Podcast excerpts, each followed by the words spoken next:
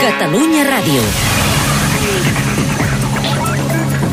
Més de 200 morts i desenes de desapareguts en un altre tsunami a Indonèsia. Benvinguts, són les dues.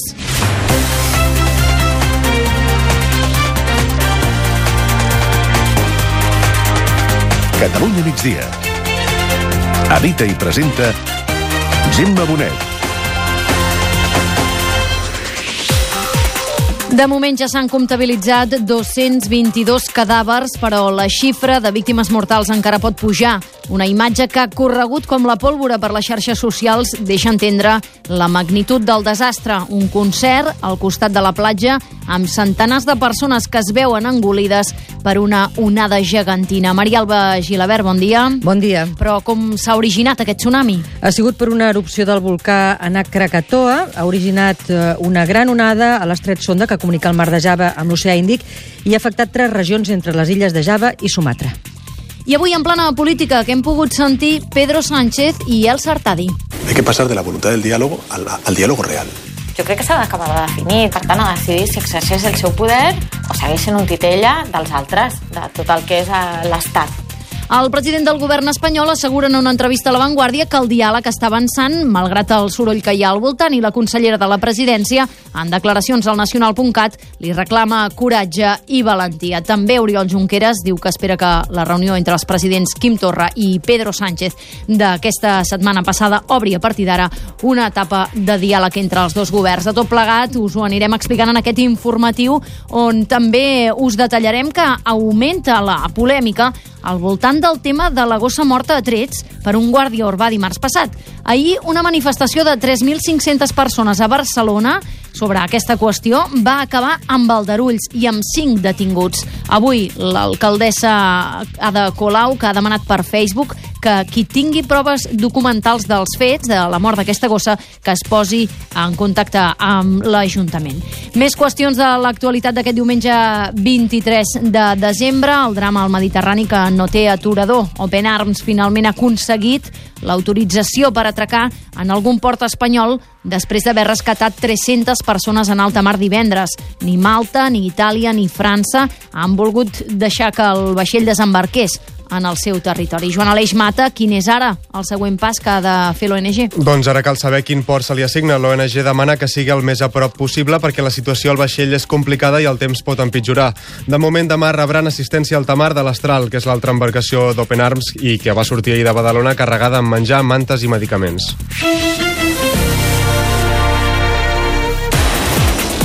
I avui el suplement de Roger Escapa ha sortit al carrer per celebrar el Nadal amb el Tió Solidari. Tot plegat, una festa que ha durat tot el matí, l'ha seguida des de la plaça Catalunya, la Montse Poblet. Montse, com ha anat aquesta festa? Doncs la veritat és que molt animada, per aquí han passat centenars i centenars de famílies que han volgut fer cagar el tió i que sobretot han celebrat les actuacions del Pot Petit. A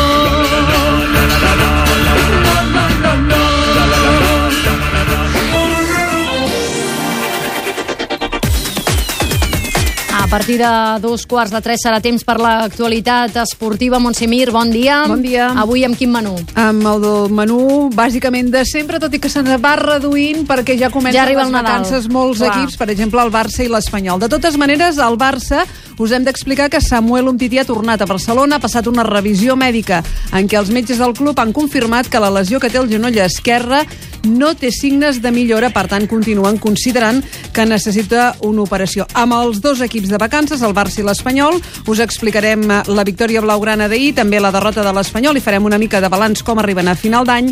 També estarem atents a la derrota del Reus, que ha perdut a casa fa uns instants contra l'Ossassuna, els partits dels equips catalans de bàsquet i també la resta de l'actualitat del dia, que ja et dic, va minvant aquests dies. I tant, ja, ja es nota que, ve, que venen festes de Nadal. Gràcies, Montse.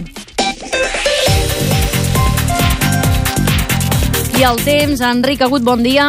Hola, Gemma, bon dia. Què ens espera per les pròximes hores? Doncs mira, tarda de cel serè a bona part del país, però amb boira que es fa persistent, no s'aixeca, i amb l'hora que és pensem que no s'aixecarà en punts al Pla de Lleida, on hi ha boira l'àmbit és fred, ara mateix reimat 6 graus, la mateixa temperatura a les Borges Blanques i la resta són més altes, sobretot a la costa i al prelitoral. S'assoleixen els 20 graus un dia de primavera a Roses, a Vallirana, a Portbou, a Barcelona, al centre 19 graus. Aquesta nit tornarà a produir-se el fenomen de la inversió tèrmica, farà més fred al fons de les valls, les boires tornaran a guanyar terreny per comarques d'interior i encara ens queda uns dies d'anticicló. Anticicló per uns dies, per exemple aquest dilluns, per Nadal i Sant Esteve el temps serà similar, amb una temperatura que per Nadal i Sant Esteve pel que fa a les diurnes podrien ser una mica més baixes. Gràcies, Enric. Bon dia. Bon dia. Aquesta informació ha estat elaborada en coordinació amb el Servei Meteorològic de Catalunya. Catalunya migdia, amb Gemma Bonet. Passen 5 minuts de les dues.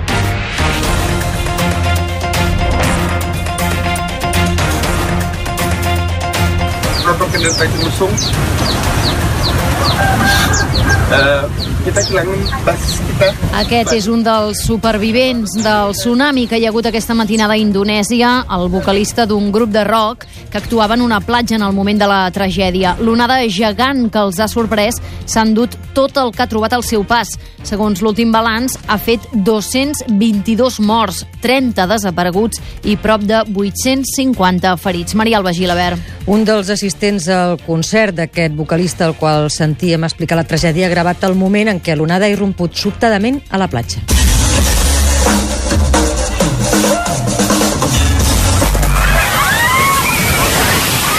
El tsunami s'ha produït després d'una erupció del volcà a Krakatoa i ha afectat tres regions entre les illes de Java i Sumatra i s'ha originat a l'estret de la Sonda que comunica el mar de Java i l'oceà Índic.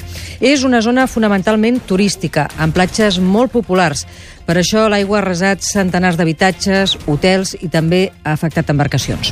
El 28 de setembre, un terratrèmol també a Indonèsia va provocar un altre tsunami on van morir entre 500 i 2.000 persones, segons les fonts. Però en aquesta ocasió no hi ha hagut ni tan sols una alerta. Ara les autoritats no descarten que hi pugui haver un altre tsunami i per això han advertit els residents i els turistes que s'allunyin de la costa. Entre els missatges de condol que han arribat a Indonèsia d'arreu del món, n'hi ha un del govern espanyol on expressa la seva solidaritat.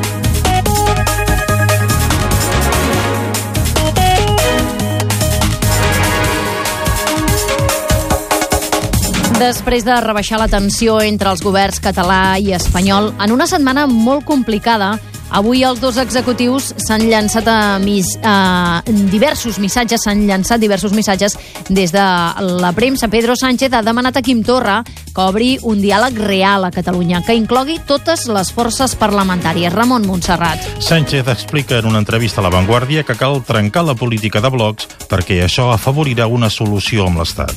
Hay que pasar de la voluntad del diálogo al, al diálogo real. ¿Eso qué significa? Eso significa que el gobierno de España está dispuesto a dialogar con las instituciones catalanas. Pero es cierto también, y esto es algo que ayer se reconoce en el acuerdo, mm, se necesita una mayoría social amplia, que ahora mismo no existe en Cataluña.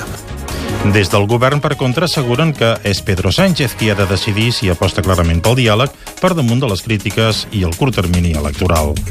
I en una entrevista al Nacional.cat, la portaveu Elsa Artadi considera que el PSOE està dividit entre els que segueixen l'estratègia de Ciutadans i el PP i els que apunten d'altres formes de relacionar-se amb els partits independentistes en la línia de l'expresident Zapatero. Per això li demana al president espanyol que sigui valent i es defineixi sobre quin camí vol seguir. Jo crec que s'ha d'acabar de definir, per tant, a decidir si exerceix el seu poder o segueix sent un titella dels altres, de tot el que és eh, l'Estat, diguem. Per tant, eh, ha de prendre una decisió, ha de prendre una decisió si és valent o si es deixa portar, però nedar entre dues aigües ara mateix vol dir eh, dir que la repressió està bé, que el camí de la repressió eh, segueix sent el vàlid.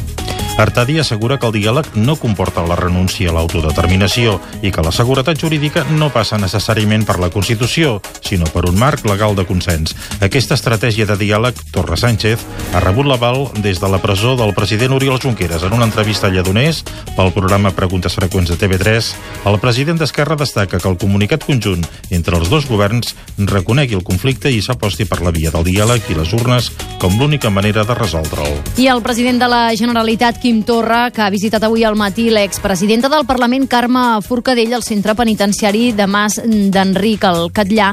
També n'ha parlat de tot plegat. A la seva sortida, Torra ha participat de l'acte que ha organitzat l'Assemblea Nacional Catalana, un acte anomenat Cap dona en l'oblit, on ha llegit una carta de l'expresidenta. En aquesta carta ha expressat el seu agraïment pel civisme del 21D i ha insistit, el president de la Generalitat, que l'únic camí és el de la no violència. Tot plegat ho ha seguit des, de Tarragona, des del centre penitenciari de Mas d'Enric al Catllà, la Mar Rovira. Bon dia. El president de la Generalitat, Quim Torra, ha arribat a la presó de Mas d'Enric a tres quarts d'onze del matí i ha entrat per l'accés privat dels funcionaris de presons. La visita a l'expresidenta Forcadell s'ha allargat aproximadament una hora i mitja i un cop ha sortit, el president s'ha dirigit a l'entrada principal del centre penitenciari on l'esperaven centenars de persones que han acudit a l'acte organitzat per l'Assemblea Nacional per denunciar els nou mesos d'empresonament i d'exili de les polítiques. Torra ha coincidit amb Forcadell en agrair el civisme del 21D. M'ha demanat també que expressés al poble de Catalunya el seu agraïment per la jornada del 21 de desembre, on hem tornat a demostrar el civisme, la pau i la no violència, i que aquest és l'únic camí que té el poble de Catalunya. Jo li vull agrair a la Carme el seu esforç, és una dona excepcional i, que, i amb ella i a la seva família un, un molt bon Nadal. A l'acte també hi ha assistit l'advocat Jaume Alonso Coevillas i la presidenta de l'ANC, Elisenda Paluzzie. Els participants han engalonat amb una bufanda de llana groga l'espai i han cantat Nadales.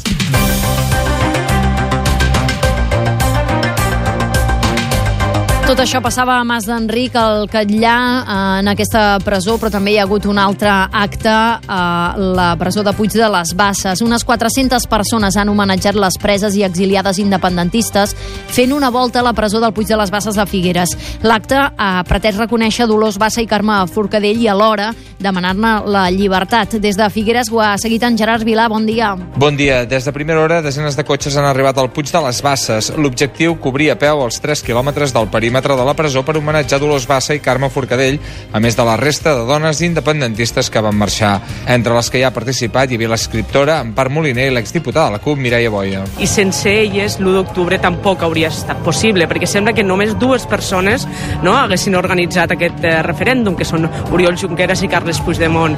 Tots ells, totes elles haurien de, de ser lliures, haurien d'estar en llibertat. Jo me n'alegro molt d'alguna de les exiliades que marxés, perquè, perquè, perquè crec que no ho tenia clar. També s'ha connectat amb la presó de Mas d'Enric, des d'on el president de la Generalitat, Quim Torra, ha enviat un missatge. Abans de l'acte s'ha plantat un arbre de Nadal ple de llaços grocs.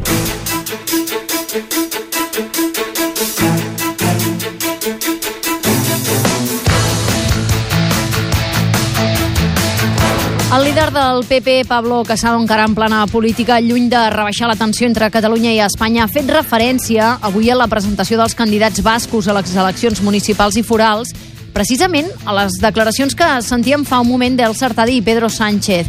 Per Casado no hi pot haver més diàleg després. Diu que Sánchez ha convertit l'Estat en un titella dels independentistes i ha permès que hagi estat rebut a Catalunya com un cap d'estat estranger. Ens ho explica des de Madrid la Roser Parera. Roser, bon dia.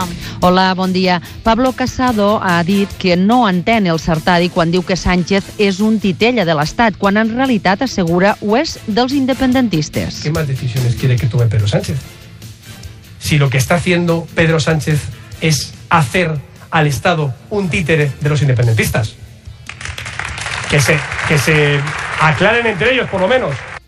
Pel que fa al diàleg real que Sánchez demana a Torra, afirma també que quin diàleg hi ha d'haver més quan ja ho ha entregat tot per manar una setmana més. Pero ¿qué más diálogo real va a haber, señor Sánchez? Si usted ha permitido ser recibido como un jefe de Estado extranjero en Barcelona, ¿qué más diálogo real hay? Si ha permitido la vergonzosa foto de dos delegaciones como si fueran de dos países distintos. ¿Qué más diálogo hay si están ofreciendo una consulta de autodeterminación? ¿Qué más diálogo efectivo quiere usted si les está planteando machacar la Constitución aprobando un estatuto nuevo claramente inconstitucional?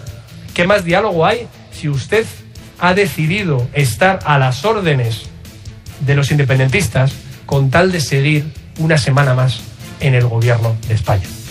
Casado ha fet aquestes declaracions a Vitoria en la presentació dels candidats del PP basc a les eleccions municipals i forals. Ha demanat la il·legalització d'Arran pel seu suport a Terra Lliure i no finançar els partits que tinguin condemnats per rebel·lió o sedició.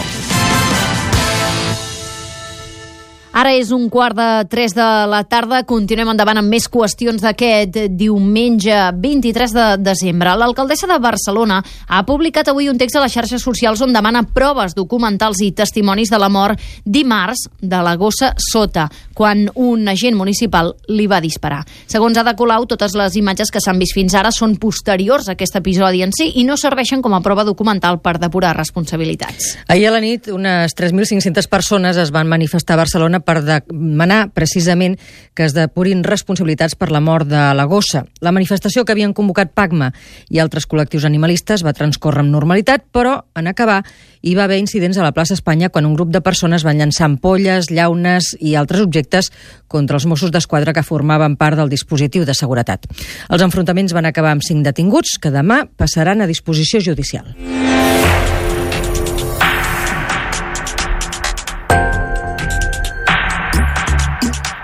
Continua la investigació dels Mossos per aclarir les causes de la mort ahir a Barcelona d'un home de 40 anys a qui van disparar amb una arma de foc. Montse Camps. Sí, els agents investiguen un possible homicidi i busquen l'autor o autors dels trets en reforçar la vigilància a la zona i continuen interrogant veïns i persones de l'entorn de la víctima. De moment no ha transcendit que hi hagi hagut detencions. Els fets van passar cap a les 10 del vespre al passeig de Santa Coloma al barri de Sant Andreu.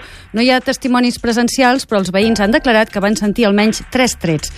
Tot i que el servei d'emergències mèdiques mèdiques es va desplaçar fins allà, no van poder fer res per salvar-li la vida. El Centre per la Defensa dels Drets Humans, Irídia, està estudiant el cas d'un jove ferit divendres a Barcelona en una de les càrregues policials que hi va haver durant les protestes per la celebració a, a la ciutat de Barcelona del Consell de Ministres. El noi que ha perdut un testicle després de ser operat d'urgència a l'Hospital Vall d'Hebron assegura que va rebre l'impacte d'un projectil de foam disparat pels Mossos.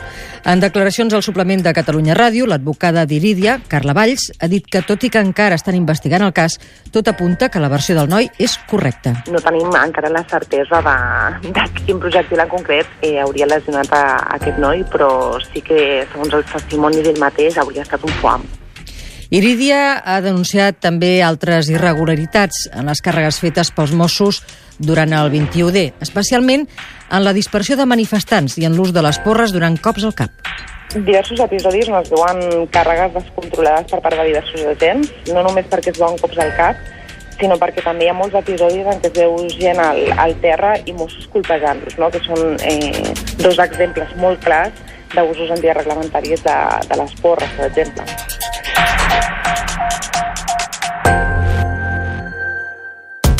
Catalunya migdia. El 26 de mayo es día de elecciones. Si resides en España y eres de algún país con acuerdo de reciprocidad, puedes votar en las elecciones locales. Si eres ciudadano de la Unión Europea, además puedes votar en las elecciones al Parlamento Europeo. Para ello debes figurar en el padrón municipal y manifestar tu voluntad de votar. Consulta en tu ayuntamiento y sigue las instrucciones enviadas por la Oficina del Censo Electoral. Encontrarás toda la información en el 901 101 900. Ministerio del Interior. Gobierno de España. Ja pots participar a la rifa de Reis de Diari de Girona. Entra a diaridegirona.cat. Fes clic a la rifa de Reis i tria el teu número de la sort. Hi ha 100 caselles, amb 100 premis diferents. Tens temps fins al 5 de gener. Setmanari La República. Aquest cap de setmana als quioscos. Dissabte per 2 euros i diumenge per 2 euros i mig amb el punt avui. lrp.cat. Catalunya migdia. Guàrdia, amb Enric Calpena. Karl Marx va tenir una vida dura. Un dels intel·lectuals més destacats del segle XIX no va mostrar gaire habilitat financera i va ser la seva família qui el va permetre sobreviure i, sobretot, escriure. La vida de Karl Marx aquest diumenge a l'Enguàrdia. A Catalunya Ràdio, en Guàrdia, els diumenges de 3 a 4 de la tarda. Segueix-nos també a través de l'app de Catalunya Ràdio i a catradio.cat.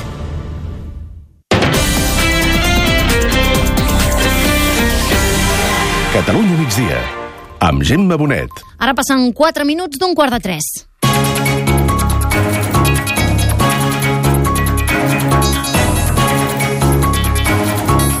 Evacuen un menor de 14 anys del vaixell Open Arms que necessitava atenció mèdica urgent. Mentrestant, l'embarcació de l'ONG catalana continua viatjant cap a Espanya per desembarcar les 310 persones a bord que va rescatar divendres davant les costes de Líbia. Joan Aleix Mata.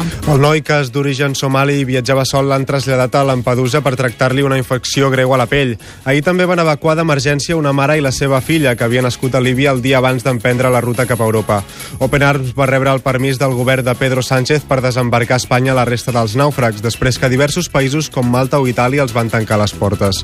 El cap de missió de l'Open Arms, Gerard Canals, explica que demà rebran menjar i medicaments al tamar d'un altre vaixell de l'organització, però remarca que la situació a bord és complicada. Las condiciones meteorológicas empiezan a ser un poquito más adversas, el mar empieza a estar más crecido, de momento lo sobrellevamos bien, mañana si todo va bien pues podremos aprovisionarnos con algo más de alimentos, con el astral y nada, seguiremos, seguiremos cuidando de estas personas a bordo. El govern espanyol encara no ha explicat en quin port podrà desembarcar l'Open Arms.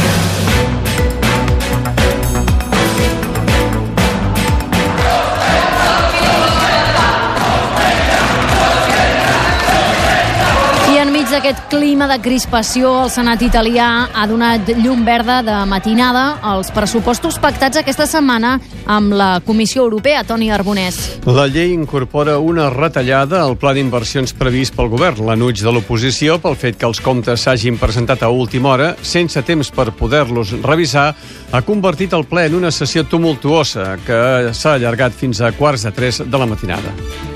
Més qüestions de la plana internacional. La parella detinguda divendres a Anglaterra per la seva suposada relació amb els drons de l'aeroport de Gatwick l'han posat en llibertat sense càrrecs. Segons la policia britànica, les dues persones han cooperat plenament en la investigació i han quedat descartades com a sospitoses. Es tracta d'un home de 47 anys i d'una dona de 54, un matrimoni que viu a tocar de l'aeroport. La premsa britànica diu que ell és un antic militar que actualment treballa de vidrier i un gran aficionat al modelisme aeri. L'alliberament d'aquestes dues persones reobre encara més els interrogants sobre l'autoria i el mòbil d'un incident que durant tres dies va afectar 140.000 passatgers amb un miler de vols desviats o suspesos. Els drons ja no han aparegut més i ahir Gatwick, ja reobert, va recuperar la normalitat. El tancament parcial del govern nord-americà continua per segon dia consecutiu després del fracàs de les últimes negociacions sobre el finançament del mur de Mèxic. Tot apunta que aquest shutdown continuarà almenys fins passat Nadal. Molts ciutadans nord-americans ja han començat a expressar el seu descontentament per aquesta situació. Cada any aquesta serà la manera de resoldre el problema, però no crec que els nostres pares fundadors s'haguessin imaginat mai aquestes negociacions. Els simpatitzants del president Trump, en canvi, culpen la intransigència demòcrata de tot plegat. Dones una mica i reps una mica. Així és com treballem els governs a Amèrica. Malauradament, en aquests moments, sembla que els republicans estan cedint una mica, però els demòcrates no estan donant res.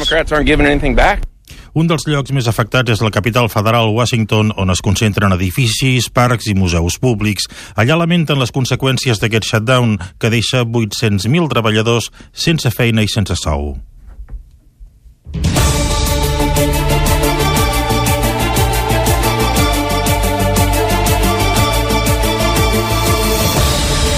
És un quart i mig de tres, més qüestions. Atenció a aquesta notícia que hem sabut aquest matí. Els Mossos d'Esquadra han conclòs que alguns dels terroristes dels atemptats del 17A a Barcelona i Cambrils no es van radicalitzar tan ràpid com es pensava, ni tampoc com a conseqüència de conèixer l'imam de Ripoll.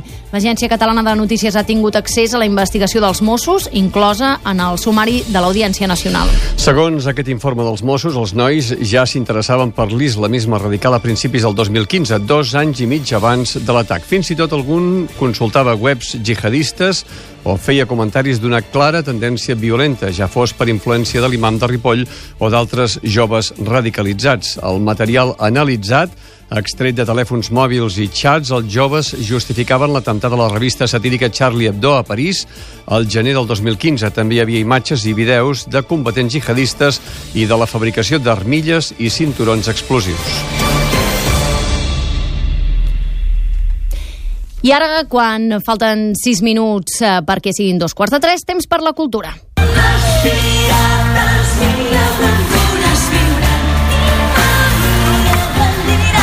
és el so de la gent del Pot Petit, que aquest matí han animat l'onzena edició del Tio Solidari de Catalunya Ràdio. Centenars de famílies han seguit el programa El Suplement, que s'ha fet en directe des de plaça de Catalunya i ho ha seguit des d'allà la Montse Poblet. Bon dia. Bon dia. Doncs sí, ha estat un no parar de gent per escoltar el suplement i fer cagar aquest tió gegant que hem portat fins aquí, fins a la plaça Catalunya. Mira, tu piques el tió, cantes la cançó i llavors el, el tió caga caramels i xutxes i coses i després ho reparteix. Abans d'entrar, donacions pel Banc dels Aliments que en tancar la paradeta ens deien això. Ha anat molt bé, molt bé, el dia acompanyat, hem omplert moltes caixes, considerem que aproximadament hem fet 200 quilos, estem molt contents. Avui per aquí han passat, entre d'altres, Paula Valls, però la veritat és que els que s'han endut els aplaudiments més grans, els que han deixat bocabadats petits i grans, han estat el Pau i la Jana del Pot Petit. Estem molt contents i a més ens ha sorprès molt que saben que comencem, doncs s'aplega molta gent i fa, fa com molta il·lusió. Bueno, ens agrada molt el contacte aquest amb el públic, escoltant una mica també el feedback dels pares, de què els ha semblat el concert, dels nens també, ens agrada molt preguntar-los doncs, quines són les seves cançons preferides. Aquí tothom se sabia totes les seves cançons. Tigres i cavalls i hipopòtam i algun gall, tots amics de Maria O buscant una solució. Nosaltres tanquem aquí la recolecta de menjar pel Banc dels Aliments, però ells la mantenen oberta, així que animeu-vos, que sempre hi esteu a temps. Més qüestions eh, de l'àmbit cultural. L'escriptora i guionista Laura Gost ha guanyat el Premi Bartomeu Rosselló Pòrcel a la gala dels Premis 31 de desembre de l'obra cultural balear. La cerimònia d'entrega dels guardons es va fer ahir al Teatre Principal de Palma, on també van resultar premiats el grup Charango, la científica Alicia Cintas o el club, o el club d'Scrabble d'Eivissa. Ens ho explica des de Palma la Lali Ferrer.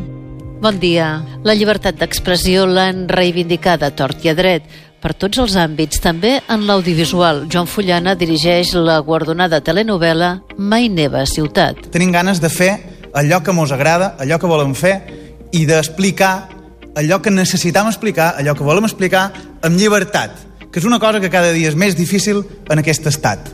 La reivindicació de la llengua també l'ha feta l'escriptora i guionista Laura Gós, Premi Bartomeu Rosselló Porcel, que ha parlat d'un any dolorós. Hi hagi hagut eh, alguns moments dolorosos i no només estic pensant en la supressió de bona part dels accents diacrítics, sinó també, i fora bromes, estic, m'estic referint a la vulneració reiterada d'un dret tan fonamental i intocable com és el dret a la llibertat d'expressió. La nit de la cultura Palma ha estat la nit de la reivindicació política i cultural. I abans d'acabar us parlem de que el gran volum de vendes durant la campanya de Nadal obliga les empreses a dedicar molts recursos a la logística. És un reportatge de Maite Curto.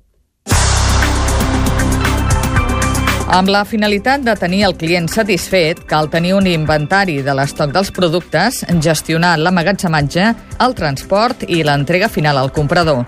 Per tot això cal treballar amb previsió. Ho explica Ignasi Sayol, president del clúster logístic de PIMEC, la patronal de la petita i mitjana empresa catalana. Cal preparar-ho bé, amb temps. Per un costat tindre més recursos, per l'altre a la plantilla estable, intentar que pugui haver un augment dels horaris i de la disponibilitat per poder atendre això, tenint en compte que, evidentment, això és una bola. Si el servei no es dona bé, aquesta bola es va acumulant. Llavors hi ha més incidències, això vol dir que els clients truquen als call center, per tant és molt important dimensionar-se adequadament. Sayol destaca tres aspectes que cal millorar que ajuden a tenir una logística més eficient. Per un costat, les infraestructures. No pot ser que tinguem infraestructures que no s'inverteix el que s'ha d'invertir. El tema de la formació, que també ens preocupa. La logística és una activitat clau per l'economia del país i no té ni tan sols una enginyeria en logística. Necessitem professionals ben formats que puguin dotar el, sector de professionalitat i, i, i poder, sobretot, agafar l'embat de la tercera palanca, que és la tecnologia, és la innovació. Una altra dificultat és la falta d'espais per construir plataformes logístiques en sol urbà a preus assequibles. Per Sayol, això obliga les empreses a instal·lar els seus magatzems lluny dels centres, amb les dificultats afegides que això comporta. No tota la mercaderia podrà estar tan a prop. Llavors haurem de fer servir tecnologia una altra vegada per ser capaços de predair el que els clients volen i posicionar els estocs en els jocs adequats perquè es doni el servei. També cal tenir rutes d'entrega dels productes més eficaces i això s'aconsegueix amb tecnologia i coneixement dels clients. El sector de la logística representa el 12,6% del PIB català i s'incrementa cada any. Economia arroba catradio.cat i ara, quan siguin dos quarts de tres, eh, fins aquí ha arribat el Catalunya migdia, tot seguit la informació esportiva que de seguida us expliquem.